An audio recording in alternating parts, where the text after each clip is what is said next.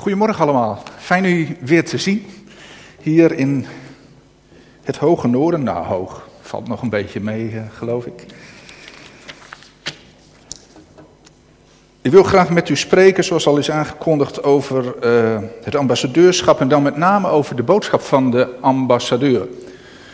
Um, ik heb even een klein inleidend verhaaltje voordat ik een gedeelte ga, ga lezen. Ik begin echt Noord-Hollands te gaat lezen, weet je, echt Noord-Hollands eh, te praten. Voordat ik ga uh, lezen met u, en dat is een, een, ambassadeur, wordt in de Bijbel ook wel een gezant genoemd. Hè? Ik heb uh, de laatste keer volgens mij dat ik hier was, heb ik u die tekst ook genoemd uit de Corinthiërsbrief, waarin Paulus zegt, in de Statenvertaling staat het altijd zo, wij zijn gezanten van Christus wegen, dus door Christus gezonden, die uitroepen naar de mensheid die verloren is, laat u toch met God verzoenen.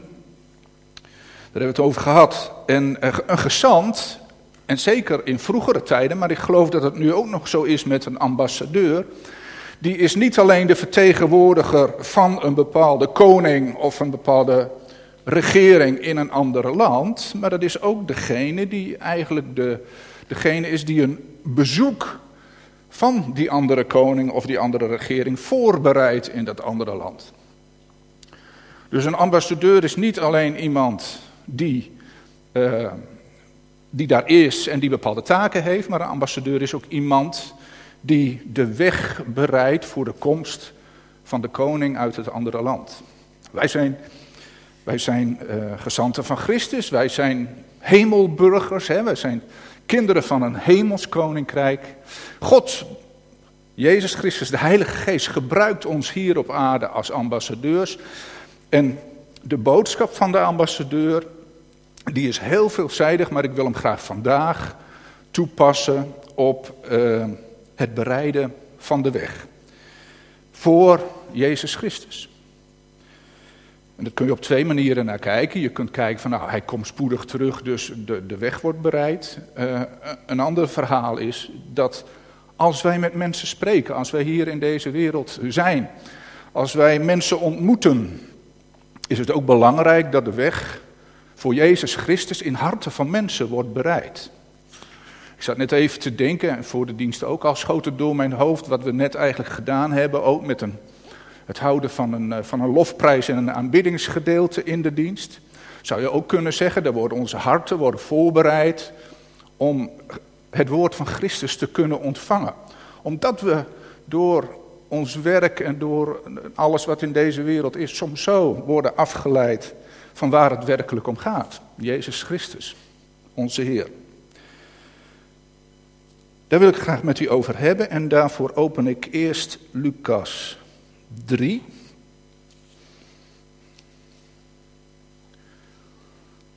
Lucas 3, en ik begin gewoon even te lezen bij vers 1.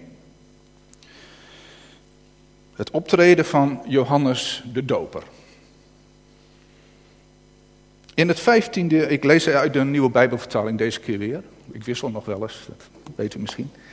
Uh, in het vijftiende jaar van de regering van keizer Tiberias, toen Pontius Pilatus Judea bestuurde en Herodes tetrag was over Galatië, zijn broer Philippus over het gebied van Iturea en Trachonitis en Lysanias over Abilene. En toen Annas en Caiaphas hoge priester waren, richtte God zich in de woestijn tot Johannes, de zoon van Zacharias. En eerder dan in de geschiedenis even tussendoor hebben we gezien dat Johannes geboren werd enzovoort.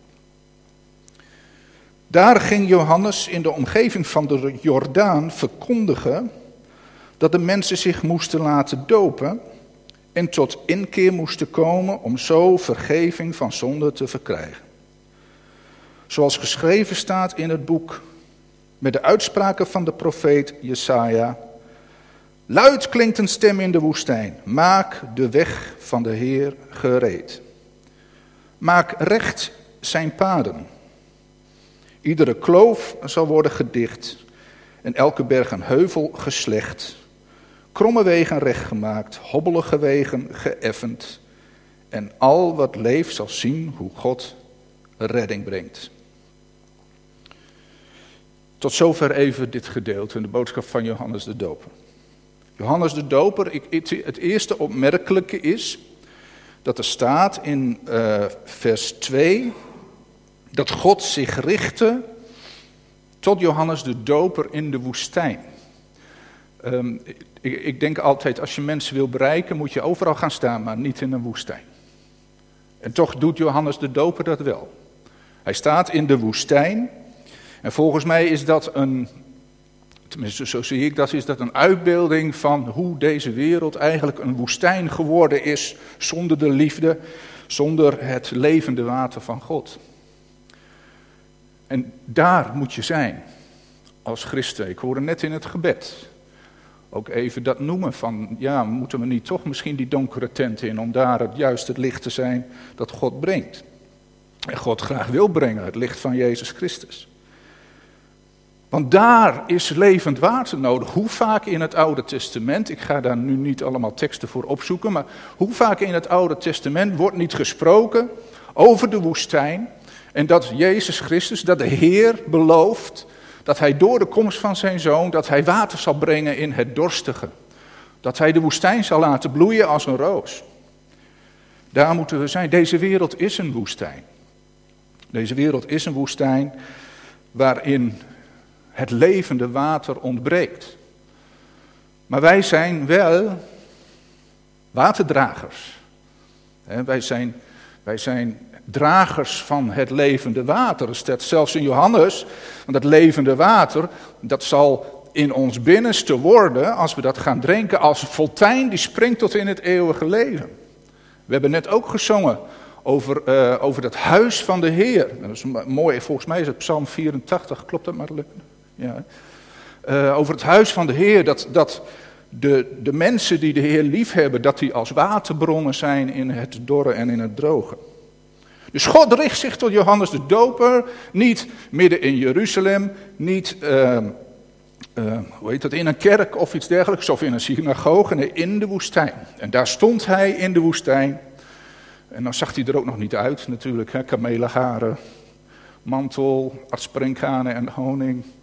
Ze niet zo netjes in pak, zeg maar, zoals we dat tegenwoordig graag zien. Geen aantrekkelijke man. Geen aantrekkelijke man. Denk ik om gezien te hebben. Beetje woest figuur, zo stel ik me dat voor. En dat zie je ook wel op tekeningen, hè, in, in kinderbijbels enzovoort. Beetje woest figuur, dikke baard. Um, God is zich tot hem in de woestijn. En hij is daar wel bij de Jordaan. Hij staat er te prediken, maar er komen mensen op hem af. Er komen mensen op hem af. En daarbij, toen ik dat las, moest ik er ook aan denken dat, dat op een gegeven moment de Heere Jezus Christus predikt. En, er zijn, en dan zijn er veel mensen, ik weet niet of u dat gedeelte uh, kent, maar uh, ik, ik, weet ook niet zo uit mijn hoofd waar het staat, anders zou ik het even noemen, kon u het opzoeken. Maar er zijn er veel mensen die vertrekken. Er zijn er veel mensen die gaan weg. En dan vraagt Jezus, Jezus zegt tegen zijn discipelen, wilt gij ook niet liever gaan? Willen jullie ook niet liever weggaan? En dan zegt volgens mij Petrus van waar moeten we dan naartoe? Want u hebt woorden van eeuwig leven. U hebt woorden van eeuwig leven. U hebt het levende water voor ons. En deze mensen, als Johannes dat predikt, die komen als het ware op dat levende water af. Johannes staat daar te prediken, Johannes de doper, mensen komen naar hem toe. En dan eens kijken wat er staat, wat hij zegt.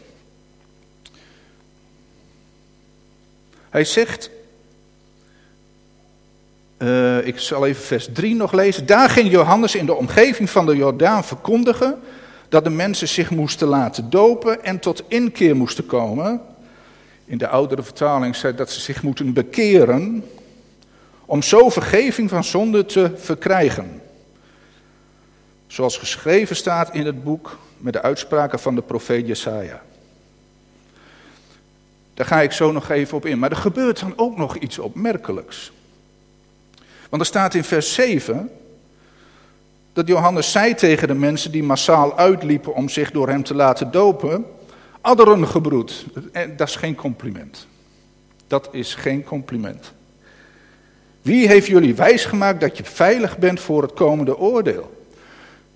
Dit is een ernstige boodschap. Hè? Eh, eh, wij zijn dat niet gewend, om mensen zo aan te spreken. Dat willen we ook niet. Johannes de Doper is heel duidelijk. Wie heeft jullie wijsgemaakt dat je kunt vluchten voor het komende oordeel? God is een rechtvaardig God. Hij heeft de wet gegeven, hij heeft uh, zijn woord gegeven. En het is God erg serieus. Er is alleen redding door bekering. Dat is wat hij zegt. Daarom zegt hij ook in vers 8: breng vruchten voort die een nieuw leven waardig zijn. In een andere vertaling staat: breng vruchten voort die, uh, die bij, de, uh, bij de bekering horen. Die de bekering waardig zijn. En zeg niet meteen bij jezelf: we hebben Abraham als vader enzovoort. Dus wees niet hoogmoedig. Dan in vers 10 vragen de mensen hem van, maar wat moeten we dan doen? Wat moeten we dan doen? Johannes heeft er al gezegd, je moet je bekeren en laten dopen. Maar de mensen vragen hem dan, wat moeten we dan doen? Nadat hij gezegd heeft van wie denken jullie wel dat je bent, dat je van de toorn kunt vluchten? En dan wordt Johannes heel praktisch. Dus zegt hij, wie twee stel onderkleren heeft, moet delen met wie er geen heeft. Wie eten heeft, moet hetzelfde doen. Dus ook delen. Dat is één. Dan komt het tweede. Er kwamen ook tollenaars om zich te laten dopen. Tollenaars, uh, iedereen weet wat tollenaars zijn. Ik, ik, zal het heel kort even vertellen. Belastinginners die veel te veel geld eisten. Hè. Dat, dat, deden ze uh, om zichzelf te verrijken. Er waren mensen die moesten belasting innen. En als uh, Madeleine bijvoorbeeld 100 euro schuldig was, dan zei ik, ik wil 120. En dan kon ze dat maar netjes doen, anders dan niet best. Zo ging dat. Tollenaars die bedrogen de mensen en die uh, zogen mensen financieel leeg. Dus er kwamen tollenaars ook om zich te laten dopen. Blijkbaar waren mensen heel erg onder de indruk van die Johannes de Doper, want later vragen ze ook, wie is dat eigenlijk? Dat is de profeet, het is de Messias. Er kwamen tollenaars en die vroegen hem, meester, wat moeten wij doen? Hij zei tegen hem, Vorder niet meer dan wat jullie is opgedragen. Dus eigenlijk ook heel praktisch en heel eenvoudig. Vraag alleen wat men echt schuldig is of wat je, wat je bent, is opgedragen. Vraag niet meer. Ook soldaten kwamen en vragen, en wij, wat moeten wij doen? Tegen hen zei hij, jullie mogen niemand afpersen en je ook niet laten omkopen. Neem genoegen met je soldij. Nou, zo gaat het even verder. Ik laat het hier even bij. Wat ik even wil laten zien zijn twee dingen. De boodschap van Johannes de Doop, midden in de woestijn, in de dorheid en droogheid van deze wereld, is: je moet je bekeren en je moet je laten dopen. En als mensen dan vragen, wat moeten wij dan doen? Wordt het een heel praktisch verhaal. Dat je vruchten moet dragen die de bekering waardig zijn. Nou, ik weet niet of ik daar straks nog even op terugkom. Ik ga, ga even kijken, ook, ook qua tijd enzovoort. Maar ik wil graag nu even met u naar het gedeelte wat hier wordt aangehaald uit de profeet Jesaja. Dat toen ik het voorlas, is u misschien opgevallen dat, uh, dat Johannes de Doper staat daar te prediken, dat in vers 4 staat, zoals geschreven staat in het boek met de uitspraken van de profeet Jesaja. En dan wordt Jesaja 40 aangehaald. Jesaja 40.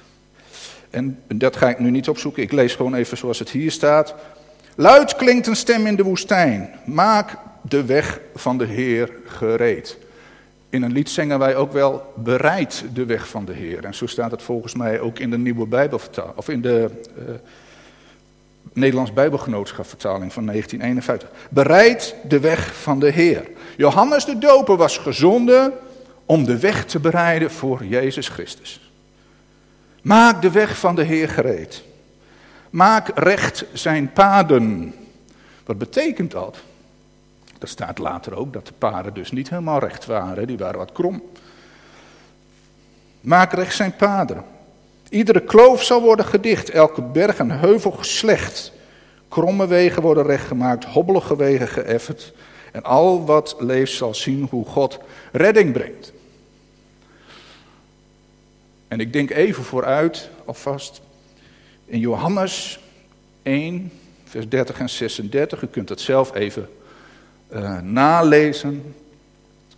Predikt ook Johannes bekering, maar dan komt Jezus eraan en dan zegt hij: Zie het Lam Gods. En het is goed om maar gelijk even praktisch te worden. De weg bereiden voor de Heer, de weg bereiden voor de Heer, ik geloof dat dat ook iets is wat de Heilige Geest graag in ons wil bewerkstelligen, dat, dat wij dat bij mensen doen. Harten van mensen zijn niet zomaar bereid om de boodschap van Jezus Christus te ontvangen of om Jezus Christus binnen te laten. Wij weten dat maar al te goed, dat zijn moeizame processen. Ik weet het maar al te goed van mezelf, daar is heel wat tijd overheen gegaan. Waarom? Omdat de wegen niet recht zijn. Waarom? Omdat het misschien zo is dat er bergen moeten geslecht worden, hè, zoals hier staat. Bergen hebben in, het, uh, in, het, in de Bijbel vaak te maken met hoogmoed. Met, met dat je het allemaal zo goed weet. alle, al het hoge zal vernederd worden, staat ergens. Dus het kan zijn dat mensen bergen in hun hart hebben, die geslecht moeten worden. Dat heeft misschien tijd nodig. Soms moet er eerst een zaadje gezaaid worden en dan duurt het even voordat het tot, tot bloei komt. We weten dat, hoe dat werkt in tuinen.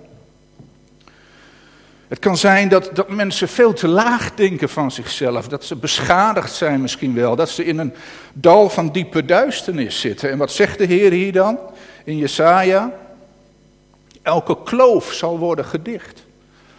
In, in een andere vertaling staat een dal. Het dal zal worden, worden gelijk gemaakt. Het kan ook zijn dat je, dat je krom bent gaan denken in de loop van de tijd. Dat, is, eh, dat gebeurt veel. We, we, leren een heleboel en we horen van alles en nog wat. Oh, dat begint al op de, op de scholen, heel jong. Daar horen we over allerlei zaken. Daar kunnen we kromme gedachten van krijgen. Er is zoveel informatie in deze wereld. Er komt zoveel op ons af. Er wordt ons zoveel geleerd. Zoveel tijdschriften, als je een winkel doorloopt, schrik je ervan wat er allemaal te koop is, zeg maar. Er is zoveel te, uh, wetenschap, er is zoveel kennis die op ons afkomt. Daar kunnen we ook een kromme gedachte van gekregen hebben. En dat is in veel gevallen zo, want het is niet voor niks. Daar kom ik zo nog wel even op terug. Dat de Bijbel zegt dat je moet veranderen van denken. Je moet gericht worden op Christus. Dus bergen moeten omlaag. Hoogmoed moet weg. Er, voordat je Jezus binnenlaat, moet je hoogmoed weg. Je, je, uh, uh, je minderwaardigheid of je beschadigingen die je hebt opgelopen, die zal de Heer ook effenen. Zodat Jezus zijn werk in je leven kan doen. En ik, ik, ik, hoor het mezelf zeggen, maar het is niet zo dat dit volgordelijk is. Als de Heer in je leven komt, dan gaat hij nog steeds die bergen omlaag brengen. Dat blijft je leven lang. Hij gaat nog steeds de kloven dichten omdat, je, omdat er genezing nodig is. Hij gaat nog steeds kromme wegen recht maken. Dat is nodig, dat, dat ga je leren als je het woord van God tot je neemt. Dan ga je de waarheid steeds meer ervaren en de kennis van Jezus Christus steeds meer in je hart krijgen.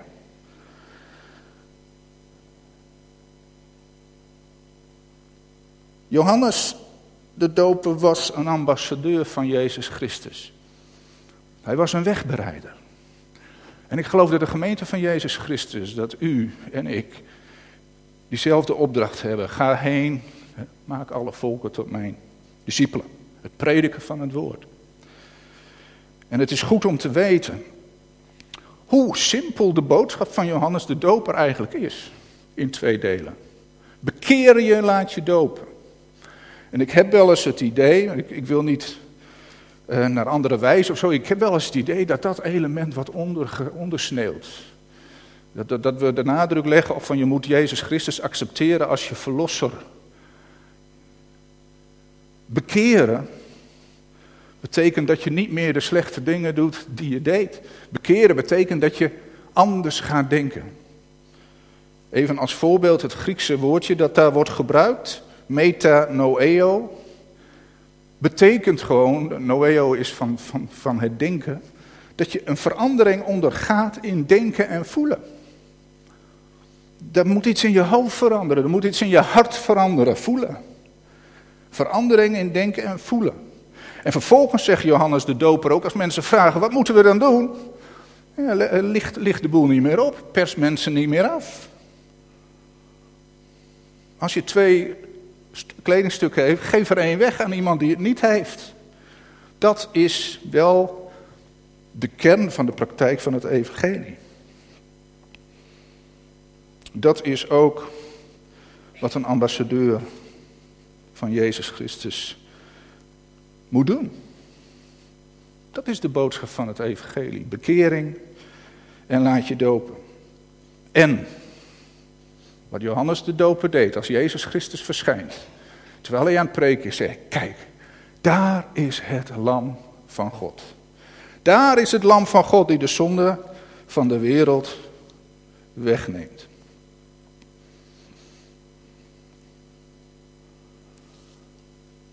Johannes was er niet voor zichzelf.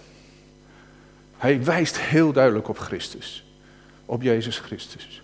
En de boodschap die wij voor deze wereld hebben is de naam van Jezus Christus. Jezus de Messias. Jezus de Verlosser, het Lam Gods. Wat, wie, wat is het Lam Gods? Hij, het geslachte Lam van God. Hij die voor ons gestorven is. Die voor ons is opgestaan. Dat is de boodschap die we voor de wereld hebben. Een, een, een, lastige boodschap, zegt Paulus in 1 Korinthe 3. Een lastige, of 1 Korinthe 1, sorry, of 2. Ja, 2. Nou, bijna heel Korinthe gehad nu, maar het is 1 Korinthe 2. Uh, zegt Paulus, ik, toen ik bij jullie kwam, zei hij, en dan heeft hij over het begin dat hij het evangelie kwam vertellen, zegt hij, heb ik niks anders geweten dan Jezus Christus en die gekruisigd. Dat was mijn boodschap. Jezus Christus en die gekruisigd. En natuurlijk is er meer, zegt hij ook, maar dat is meer voor volwassenen. Maar toen ik bij jullie kwam, toen jullie nog Jezus niet hadden leren kennen, was dat de boodschap. En verder heb ik, had ik niet zoveel te vertellen. Jezus Christus en die eh, gekruisigd. De prediking van Jezus Christus, dat is het hoofddoel van de ambassadeur. Mens in de woestijn, u hebt redding nodig. Mensen in de woestijn, u hebt verlossing nodig, u hebt bekering nodig. En ik weet, deze, deze boodschap is heel basaal. Maar ik denk dat het goed is dat we ons beseffen dat dat is wat de Heilige Geest in ons in deze wereld wil doen, als gemeente van Jezus. In de wildernis, in de woestijn. Bergen slechten, kloven dichten, kromme wegen recht maken. En wijzen op het lam van God. Jezus Christus, die is voor jou gestorven. En als je dat, als je dat ziet en wil zien. Ik had het net even over Jezus accepteren als je verlosser. Hè? Maar wat betekent dat? Dat betekent dat je beseft dat je een zondaar bent. Dat betekent dat je beseft dat je je moet bekeren van zonde. En dat je Jezus nodig hebt. Als dat niet zo is, waarvoor is Jezus dan gestorven?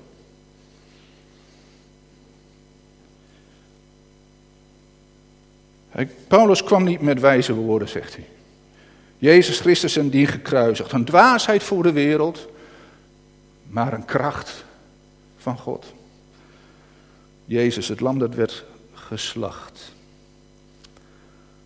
De boodschap nog even weer is een boodschap van bekering. En ik wil daar nog even een paar Bijbelteksten uh, bij pakken die, die daar ook over spreken. Maar misschien kunt u mij een beetje helpen. Uh, als Jezus Christus gestorven is en opgestaan is uit de dood, hij is naar de hemel gegaan, wordt de Heilige Geest uitgestort. Dat lezen we in Handelingen 2. Wat zegt Petrus als mensen vragen, wat moeten wij nu doen aan? Eigenlijk hetzelfde wat ze bij Johannes de Doper deden. Wat moeten we nu doen? Wat zegt Petrus? Wie weet het? Bekeer u en laat u dopen in de naam van Jezus Christus. Simpel. Wat moeten we doen? Bekeer u en laat u dopen. In Handelingen 26, vers 20, die zoek ik wel eventjes op. Ook al is het maar voor mijzelf. Spreekt Paulus over hoe hij, nadat hij geroepen was, de boodschap ging verkondigen. Handelingen 26. Ik begin even bij vers 19. Ik heb dan ook gedaan wat me door de hemelse verschijning werd opgedragen. Toen Paulus door God in zijn, in zijn nek werd gegrepen, zeg maar. Uh, toen verscheen er een groot licht en sprak hij met Jezus Christus zelf. En door die hemelse verschijning die hij kreeg, werd hem opgedragen en hij spreekt dat tegen koning Agrippa. En wat heeft hij toen gedaan? En heb eerst aan de inwoners van Damascus en Jeruzalem en aan allen die in Judea wonen en later ook aan de heidenen verkondigd dat ze tot inkeer moeten komen. Ik heb ten eerste verkondigd dat ze zich moeten bekeren en God moeten eren. En zich dienen te gedragen zoals dat bij hun nieuwe leven past. Herkent u de lijn? Johannes de Doper. Bekeer u, laat u dopen. Maar vertoon ook gedrag wat erbij hoort. Paulus zegt hier precies hetzelfde. Het eerste wat ik heb gedaan, nadat ik de hemelsverschijning heb gezien, is het verkondigen van bekering. En dat men daarbij een leven moet laten zien dat daarbij past. En Paulus zegt ook, dat is de reden waarom de Joden mij gegrepen hebben. Weet je, ehm, en ik spreek even over mezelf hoor. Het is best wel lastig om hier met mensen over te spreken. Mensen hebben, hebben iets van, ja, uh, doe, doe toch wel redelijk goed.